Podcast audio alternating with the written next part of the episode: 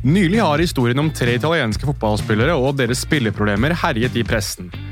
Én er allerede suspendert, én har innrømmet skyld, og den tredje nekter skyld. Men hva er det som har skjedd, og hvorfor skjer dette? Det skal vi forklare nå.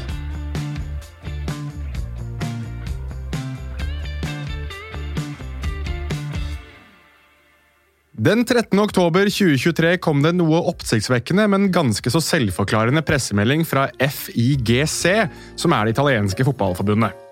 Pressemeldingen dreide seg om en Juventus-spiller, men innholdet i pressemeldingen var av det mildt sagt sjokkerende slaget. Påtalemyndighetene har nådd en enighet med fotballspilleren Nicolo Fagioli, som utestenges fra fotballen i tolv måneder, hvor fem av disse månedene vil gå til rehabilitering, mens han må betale 12 500 euro for brudd på artikkel 24 i regelverket, som fraber pengespill på kamper i italiensk fotball, Uefa-organisert fotball og Fifa-organisert fotball. Juventus-spiller Nicolo Fagioli var dermed utestengt fra fotballen for å bedrive gambling på egen sport. Fagioli skal også møte til minst ti offentlige møter med terapi, og skal la seg behandle som en del av utestengelsen sin. 22-åringen hadde i lengre tid vært under etterforskning for å ha gamblet på ulovlige bettingsider, der han skal ha brukt falske navn for å gjemme sin identitet. Fajoli har siden beskrevet sine problemer. Jeg sluttet å sove, etter hvert som tiden gikk så gjensøkte gjelda meg. Gjelda ble bare større og større, og jeg gamblet mer for å forsøke å holde tritt. Jeg ble fortalt at de skulle brekke beina mine. Jeg hadde så mye gjeld at selv om jeg vant, så fikk jeg ingenting ut av det, rapporterte Totosport og Gazzetta dello Sport at Fagioli hadde sagt i sin forklaring. Fagioli innrømmet at han aldri spilte på kamper der hans eget lag var involvert, og aldri på kamper der Cremonese eller Juventus hadde vært involvert, de to klubbene han hadde et forhold til. Han skal også ha bedt om å låne 40 000 euro av en lagkamerat for å gamble mer, men hadde løyet om at han ville kjøpe en klokke til sin mor for pengene. Dette ble så ille at det påvirket ham i løpet av en kamp, forklarte 22-åringen. Det verste var mellom mars og april 2023. Jeg var så redd at jeg gjorde feil i kampen mellom Sassuolo og Juventus og ble byttet ut. Jeg knakk sammen på benken da jeg tenkte på gjelda og gamblingproblemene. Right, så saken her er tragisk, men samtidig ganske klar, eller? Det er en 22-åring som har gjort en feil. Han straffes for den feilen. Fotballforbundet og Juventus har uttalt at de ønsker å hjelpe ham videre. Life goes on. Nei? Ellers hadde jeg vel kanskje ikke gjort denne episoden her. For la oss dra dette tilbake til tidligere i høst. Journalisten Francesco Porcio peker nemlig på en herremann med navn Fabrizio Corona som en slags whistleblower i hele denne saken. Corona var på tidlig 2000-tallet en av Italias mest kontroversielle mediepersonligheter, og var ansett som paparazzienes konge. Han skal annet ha sittet i fengsel for å forsøke å presse fotballspillere og klubber for penger, mot at han ikke publiserte avslørende bilder av dem. Dette er kjent som Valetto Polly-skandalen for de av dere som ønsker å google dette videre. Anyways, Korona har klart å vedlikeholde medieprofil til tross for sine mange runder med lovens lange arm. Allerede i august 2023 hadde Korona publisert på sin side at han satt med informasjon om at Juventus-spiller Fagioli var spillegal og hadde en million euro i spillegjeld. Korona var tilbake igjen i oktober 2023, da Fagiolis navn begynte å bevege seg i italiensk presse som den som hadde problemer med spilleavhengighet. Korona skrev en ting som ikke alle helt hadde fått med seg ennå. Han er ikke den eneste. I dag kommer det et annet navn. Han spiller for det italienske landslaget, og han har gamlet på eget lag, hadde korona skrevet på Instagram 12. oktober, altså før den offisielle beskjeden om Fagiolis utestengelse var klar. Og korona bommet ikke. Samme dag ble det rapportert at politiet hadde møtt opp på Italias treningsfelt i Torino for å gjøre det klart at noen nå var under etterforskning. Men det var ikke bare én spiller, de var to. Og igjen kom det italienske fotballforbundet med en pressemelding. Fotballforbundet bekrefter at i ettermiddag var myndighetene til stede og gjennomførte etterforskning av spillerne Sandro Tonali og Nicolo Sagnolo, som trener med landslaget. Videre ble det forfattet at spillerne ikke lenger var i forfatning til å representere Italia, og hadde fått lov til å reise tilbake til sine respektive klubber.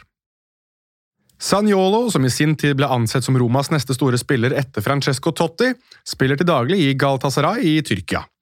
Han er på lån i Aston Villa denne sesongen og er av mange ansett som en av Italias mest lovende spillere. Tonali på sin side var Newcastles store, store signering denne sommeren. Han skal ha kostet rundt 55 millioner pund da han forlot AC Milan.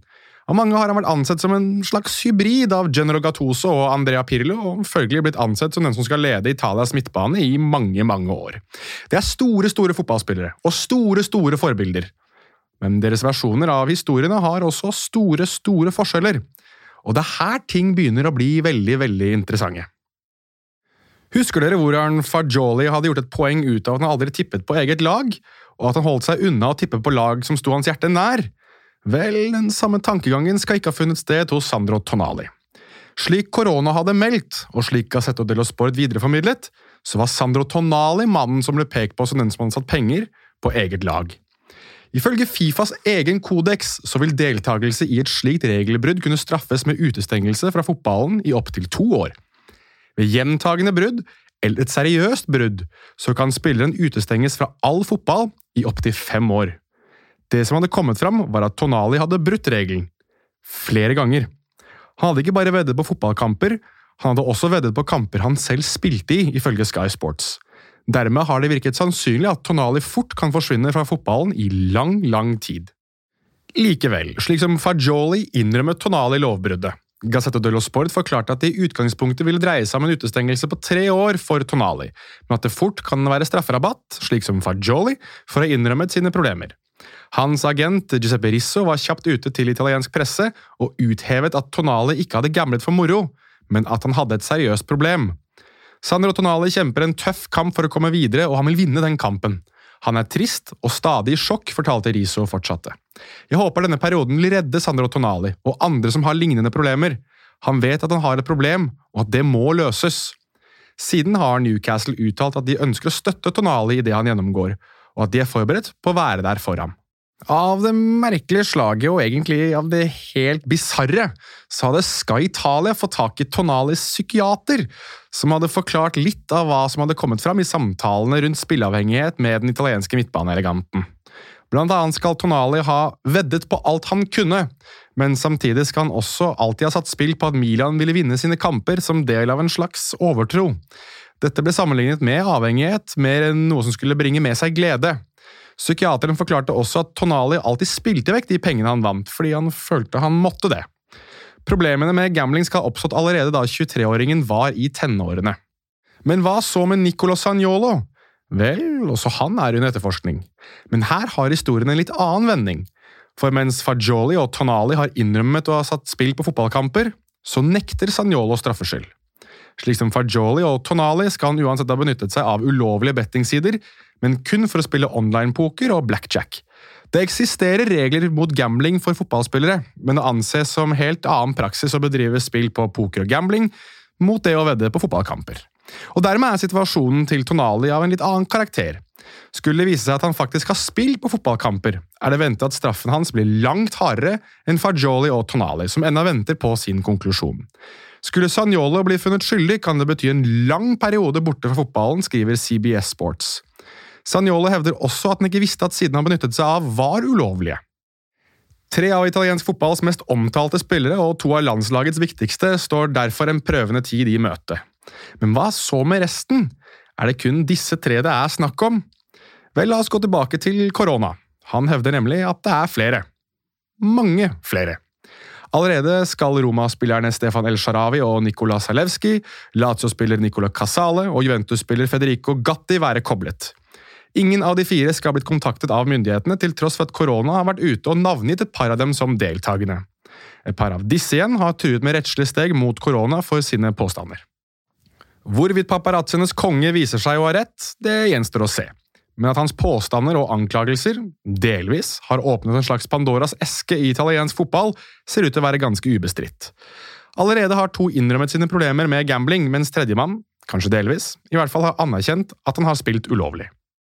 Det gjenstår å se om mer av denne saken blåser opp eller blåser over, men at italienske fotballstjerner har spilt et høyt spill og nå har blitt sett i kortene, virker å være hevet over enhver tvil. Samtidig er det kanskje også betryggende og motiverende for andre i deres situasjon at de har innrømmet sine problemer og har valgt å snakke ut om sin spillavhengighet. Dersom du eller noen du kjenner sliter med spillavhengighet, så finner du hjelp hos Hjelpelinjen for pengespill og dataspill på telefon 800 840. Og med det så er den pågående italienske bettingskandalen forhåpentligvis litt bedre forklart. Det var det for Fotballforklart for denne gang. Husk at vi er på sosiale medier. Vi er at Fotballforklart på både Instagram og Twitter. Øvrige kilder i tillegg til du har hørt i podkasten, var The Guardian, FIGC, Reuters, CBS Sports, Gazzetta dello Sport, Fotball Italia, Give Me Italian Football News, The Gavin Jules Show, The Daily Football Briefing, Lego.it, AS, Fifas egen kodeks, Sky Sports og Sky Italia. Takk for at du lyttet.